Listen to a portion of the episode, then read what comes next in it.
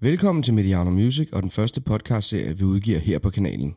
I løbet af 12 afsnit vil Tobias Kippenberger, som du måske kender fra The Floors Made of Lava, og journalist Tu Sørensen, gennemgå hvert enkelt nummer på Kippenbergers første soloplade.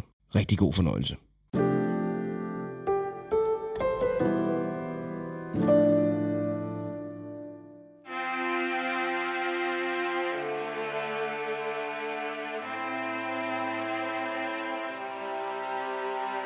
Mit navn er Tobias Kildenberger, og du lytter til podcasten Kron og Kirken og Garagen.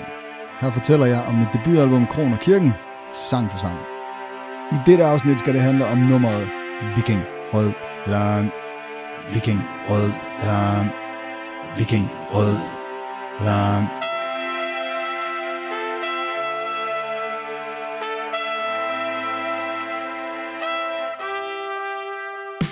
Viking Rød Lang. Hvad er det? Jamen, det er jo i sagens kerne, så er det jo bare et cigaretmærke. Det er den mest beskidte cigaret, man kan komme i nærheden af. Den er pisse billig, og du får mere for, altså ekstra for pengene, fordi den er lang. Det er en 100 smøg.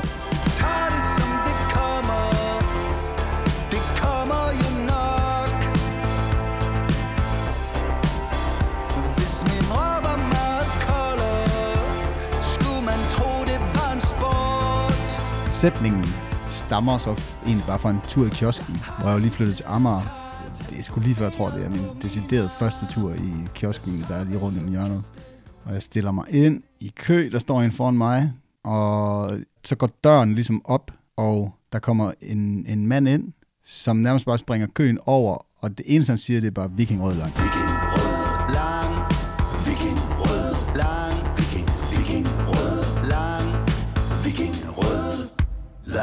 Det synes jeg var sådan en helt, en, en ret vild oplevelse, at man ikke behøver egentlig at sige så skide meget.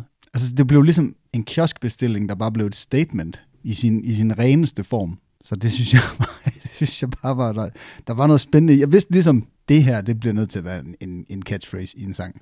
Men jeg vidste ikke, hvad sangen handlede om. Er? Der blev jeg ligesom nødt til at bygge sangen rundt om den her ene punchline eller catchphrase. De fleste, der hører sangen, har en sådan rimelig umiddelbar idé om, hvad sangen handler om. Men det er ekstremt svært for mig sådan at sætte de helt konkrete ord på det. Om Men det den handler jo heller ikke bare om at ryge eller om tobak. Nej, men det er jo det. Altså, fordi den er jo bundet op på tobak, men, men handler jo om noget mere end det. Den handler om en eller anden sindsstemning, eller en, øh, en mentalitet, hvor tobakken jo bare bliver et symbol på det. Ja, fordi man kan godt fornemme, der er sådan en vis øh, politisk ukorrekthed i sangen. Det er der i hvert fald. Det er jo også intentionelt. Altså, nu er jeg jo ryger selv. Jeg ryger dog ikke vikingrød lang. Men, Har du røget den? Øh, Det har jeg sgu heller ikke, nej. men øh, jeg ryger selv, og øh, har egentlig aldrig selv haft noget problem med det. Hvis min røv var meget koldere Skulle man tro det var en sport Altså, jeg har egentlig altid ligesom følt mig ret provokeret af den øh, måde, der bliver talt om tobak på og ryger på i, i, sådan den, i samfundsdebatten. Jeg er nogenlunde rationelt menneske også, og jeg har det fint med, at man ikke øh, bare kan sidde og pulse løs inde midt på restauranter, og at, øh, at rygning ligesom er undtagelsen, i stedet for at være, øh, at være normen i, i fælles rum. Men jeg bliver samtidig ekstremt prov- provokeret over sådan den løftede pegefinger, der ligesom skal være imod mig som ryger, og altså man taler om ryger som om, at det er folk, som ikke kan tænke selv. Men jeg tror, at alle rygere ved udmærket godt, at det her det kommer til at dræbe mig en dag. Og det har jeg det fint med. Jeg skal dø af et eller andet. Så jeg har mere travlt med at gøre de ting, som jeg får en eller anden form for tilfredsstillelse ud af, imens jeg er her, end jeg har travlt med at begrænse mig selv for at forlænge den tid, jeg er her. Tag den tid det tager For jeg skal væk herfra kan du mon leve med det?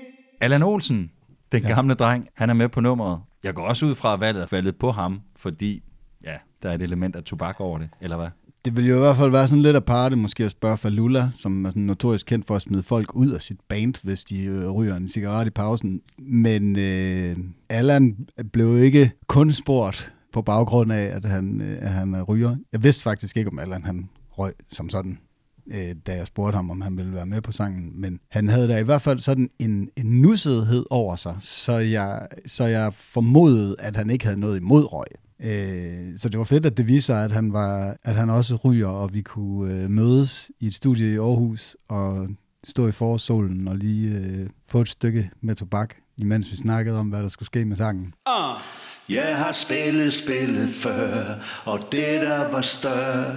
Øh, nogle af de ting, han så også øh, ligesom bød ind med, var også sådan at prøve at gøre nogle af sætningerne lidt kortere. Der kan jeg måske godt have en tendens til at fylde lidt for mange ord på, fordi jeg er sådan meget rytmisk orienteret i den måde, jeg komponerer melodier på. Og der tror jeg måske, altså der kan jeg godt have sådan, ryge lidt ud af noget sådan, hvor det næsten kan gå hen og blive rap-agtigt. I hvert fald i antal stavelser. Der er Allan så en lidt anden skole, så han fik ligesom barberet nogle ting ned, så man kommer ind til kernen, og det bliver sådan mere melodiborget. Tiden i kiosken. Hans vers, deres uh, andet vers, han synger tiden i kiosken, som jo kun er fem stavelser. Og jeg tror måske, den var på en 10 stavelser. Jeg har spillet spillet før, og det der var større. Når dagen kommer, kan jeg selv givet på forhånd, at du har det første vers, han har andet vers, og, og så er det sådan, det er? Nej, Allan han sang faktisk hele sangen ind. Jeg har, har, har faktisk lavet et par versioner først også, hvor Allan også synger i første vers, øh, men endte ligesom med at, at gemme ham til omkvædet, sådan at der skete noget nyt og spændende der. Det er ligesom også, det er også klippet, at omkvædet er Allan, der siger Viking Rød, og så mig. Lang. Viking rød. Det var også noget, sådan, som jeg opdagede ret sent i klipningen, at det kunne noget meget fedt dynamisk, at, at vi måske begge to var på det der omkvæd. Og vel også fordi I måske har en forskellig måde at intonere det på, eller hvad? Eller... Jo, helt sikkert. Altså, Allan synger jo han synger noget dybere, end jeg gør. Jeg ved altså ikke, om det er, fordi jeg synger oktaven over ham. Jeg, jeg har svært ved at, at tro det. Men hans stemme er i hvert fald dybere end min. Og så, så, så synger Allan det også sådan lidt mere tilbagelænet, hvor jeg er lidt længere fremme på beatet. Så han vil synge hvordan? Viking, rød, lang. Og du vil gøre? Viking, rød, lang. Og så synes du, det mix, det var meget sjovt at prøve at doppe det lidt oven i hinanden. Og, ja, så det bliver jo ja. Viking, rød, lang.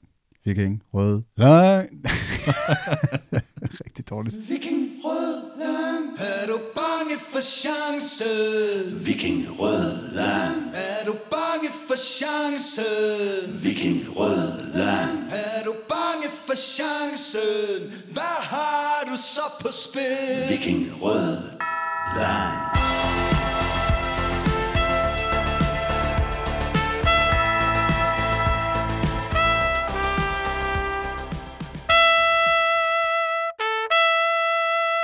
Jeg elsker jo et horndelen i det her nummer. Trompeten. Ja. Hvad, hvad var din tanke med, hvad det skulle bidrage til nummeret med? Trompeten, det var meget sådan en lyd, der ligesom øh, blev synlig for mig i mit indre. Så den lagde jeg på som sådan en midi-trompet bare.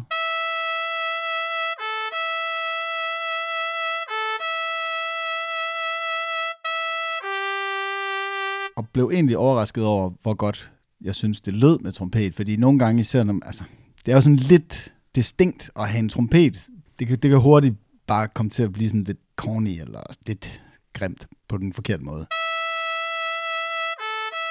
Så i lang tid så var det bare sådan en midi-trompet, der lå, indtil jeg talte med Peter Sommer, billednummeret for ham, og så foreslog han øh, en fyr, der hedder René Damsbak, som øh, er trompetist, og han var mega klar på at prøve at lægge det der trompet.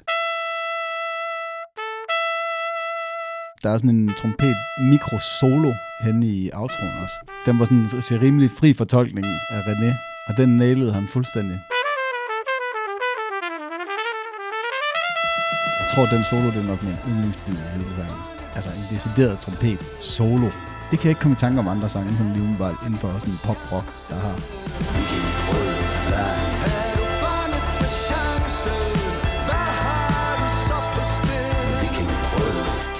Bye.